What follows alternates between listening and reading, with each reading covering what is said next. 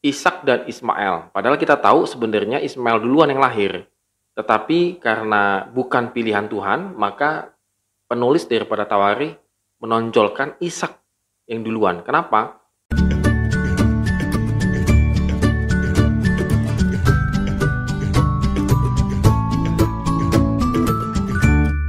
Morning Good Readers, hari ini kita akan kembali merenungkan firman Tuhan dan kita sudah masuk di satu tawari. Satu tawari itu boleh dikatakan tawari gitu ya, itu adalah catatan harian para raja. Biasanya itu catatan-catatan penting yang dilakukan oleh raja-raja dan memang ada tambahan-tambahan yang lainnya. Dan memang ceritanya kan agak mirip satu dan dua raja-raja dan juga satu dan dua tawari. Dan kita akan melihat bagaimana catatan-catatan penting ini yang ada di uh, Tawari. Dan pada hari ini kita akan belajar dari satu Tawari pasal 1 ayat 1 sampai dengan yang ke-54. Kalau masih ingat cerita yang kemarin bahwa akhirnya bangsa Yehuda dikalahkan oleh Babel dan mereka dibuang habis-habisan. Dan ini boleh dikatakan ya menjadi catatan penting juga begitu ya. Dan kita akan memulai uh, catatan pentingnya hariannya di Tawari ini. Nah, kalau kita lihat ketika mereka masih mengalami pembuangan dan segala macam, maka Tawari itu memulainya, mencatat peristiwa-peristiwa itu memulainya dari keturunan.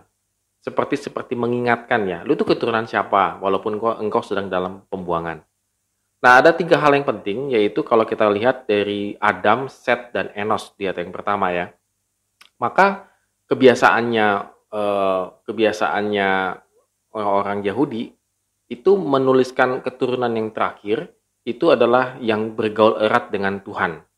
Makanya ter, uh, kalau kita perhatikan sampai di ayat yang ke-24 Sem.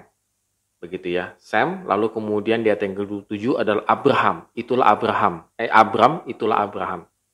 Jadi dia memotongnya itu Abraham. Ini menunjukkan bahwa Abraham itu loh dari Adam sampai Abraham, Abraham itu dipilih Tuhan. Lalu kemudian dari anak-anaknya Abraham di ayat yang ke-28, kita bisa melihat Ishak dan Ismail. Padahal kita tahu sebenarnya Ismail duluan yang lahir. Tetapi karena bukan pilihan Tuhan, maka penulis daripada Tawari menonjolkan Ishak yang duluan. Kenapa? Karena Ishak ini adalah pilihannya Tuhan. Lalu kemudian sampai kepada uh, anak-anak Ishak ialah Esau dan Israel.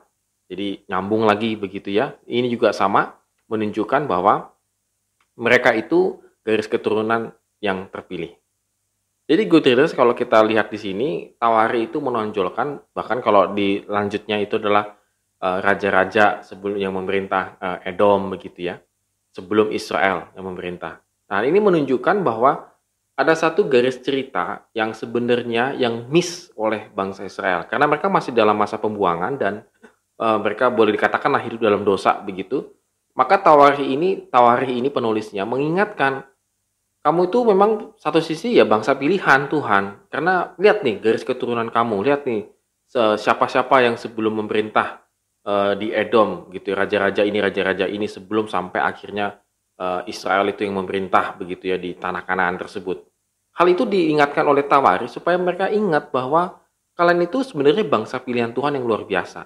Tapi karena kalian itu melakukan dosa begitu ya, uh, maka ini kayak sebuah kesia-siaan begitu. Seperti engkau lupakan bahwa engkau sebenarnya digaris turunkan Tuhan itu untuk menjadi bangsa pilihan. Tetapi yang terjadi adalah mereka malah mengikuti kebiasaan-kebiasaan daripada Baalnya di sekitar Kanaan tersebut. Jadi sangat bagus sekali Tawari memulainya supaya mengingatkan mereka bahwa engkau berasal dari bangsa pilihan. Engkau bukan bangsa yang yang bergentayangan begitu ya, yang nomaden gak jelas tiba-tiba di situ aja. Enggak. Tetapi engkau sebenarnya adalah bangsa pilihan Tuhan. Supaya engkau menjadi saksi di tanah Kanaan tersebut di tanah perjanjian tersebut. Tetapi tidak demikian. Yang terjadi kalau kita baca ya kemarin sudah kita teliti dua satu dan sampai dua raja-raja maka ujungnya endingnya mereka hancur karena dosa. Good saya rasa sama juga dengan kita ya bahwa kadang-kadang kita punya alasan bahwa aku ini kan dari dulu begini. Seolah-olah aku tuh diciptakan, saya itu diciptakan itu berdosa begitu ya. Selalu melakukan dosa-dosa. Tidak. Kita meyakini bahwa Tuhan menciptakan kita itu baik. Dari sananya, dari kekekalan Tuhan, menciptakan kita itu memiliki satu garis keturunan, tanda petik gitu ya, yaitu garisnya adalah garis umat pilihan Tuhan. Kita ini adalah umat pilihan Tuhan. Ketika kita percaya kepada Kristus, maka kita menjadi pilihannya Dia. Sehingga garisnya kita itu sebenarnya adalah menjadi saksi. Tetapi karena dosa, kita lebih suka memilih dosa, maka itu menjadi hilang.